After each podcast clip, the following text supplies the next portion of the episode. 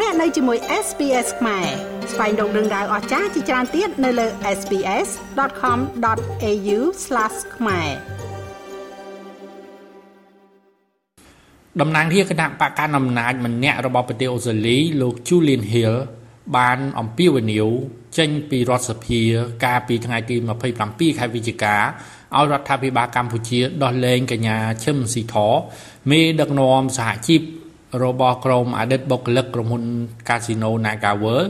នៅរាជធានីភ្នំពេញជាបន្ទាន់លោកក៏បានអំពាវនាវឲ្យថៅកែក្រុមហ៊ុនកាស៊ីណូ Naga World អនុវត្តឲ្យបានត្រឹមត្រូវទៅលើបុគ្គលិកហើយត្រូវបញ្ចប់ចំនួនជាមួយពួកគេ។ ដោយឡែកកាលពីថ្ងៃទី28ខែវិច្ឆិកាក្រុមអង្គការសង្គមស៊ីវិលនៅក្នុងប្រទេសកម្ពុជា បានចេញសេចក្តីថ្លែងការណ៍ទាមទារឲ្យដោះលែងកញ្ញាឈឹមស៊ីធដែលត្រូវបានចៅក្រមស៊ើបសួររបស់តុលាការសាលាដំបូងរាជធានីភ្នំពេញចាប់ឃុំខ្លួនកាលពីថ្ងៃទី26ខែវិច្ឆិកាការចាប់ខ្លួនកញ្ញាឈឹមស៊ីធប្រធានសហជីពត្រួតត្រងសិទ្ធិការងារបុគ្គលិកកម្មករខ្មែរប្រចាំនៅក្រុមហ៊ុន Nagaworld បានធ្វើឡើងកាលពីព្រឹកថ្ងៃទី26ខែវិច្ឆិកាគឺនៅពលានយន្តហោះអន្តរជាតិភ្នំពេញនៅពេលដែលកញ្ញាបានធ្វើដំណើរវិលត្រឡប់មកពីប្រជុំនៅប្រទេសអូស្ត្រាលី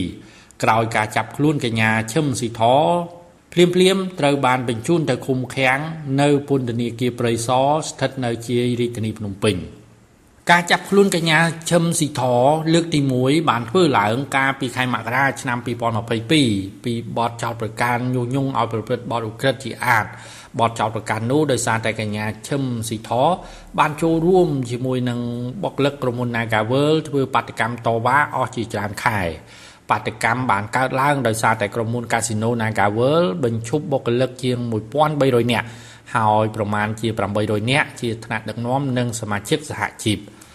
ក្រោយការសម្របសម្រួលកញ្ញាឈឹមស៊ីធនិងបុគ្គលិកក្រុមហ៊ុន Naga World ច្រើនអ្នកផ្សេងទៀតត្រូវបានដោះលែងចេញពីពន្ធនាគារកាលពីខែមីនាឆ្នាំ2022 ដើម្បីឲ្យបន្តការចរចាក៏ប៉ុន្តែការចរចារវាងសហជីពតំណាងបុគ្គលិកនិងតំណាងក្រុមហ៊ុន Naga World ក្រោមការសម្របសម្រួលរបស់ក្រសួងការងារ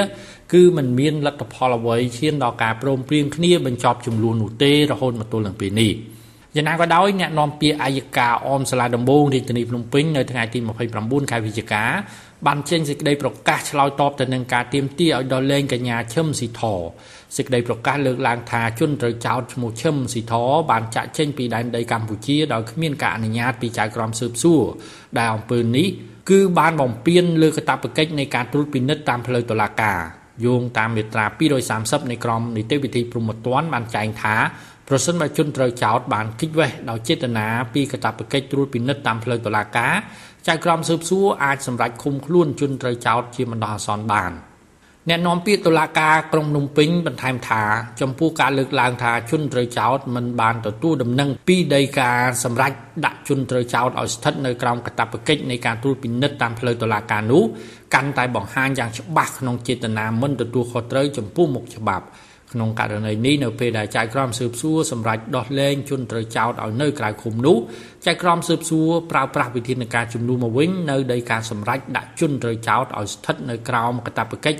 នៃការត្រួតពិនិត្យតាមផ្លូវតុលាការដែលនៃការសម្រេចនេះជនត្រូវចោទត្រូវតែគោរពតាម និងអនុវត្តឲ្យបានម៉ឺងម៉ាត់ខ្ញុំម៉េងផល្លា SBS ខ្មែររាយការណ៍ពីរាជធានីភ្នំពេញ ចុច like share comment និង follow SBS ខ្មែរនៅលើ Facebook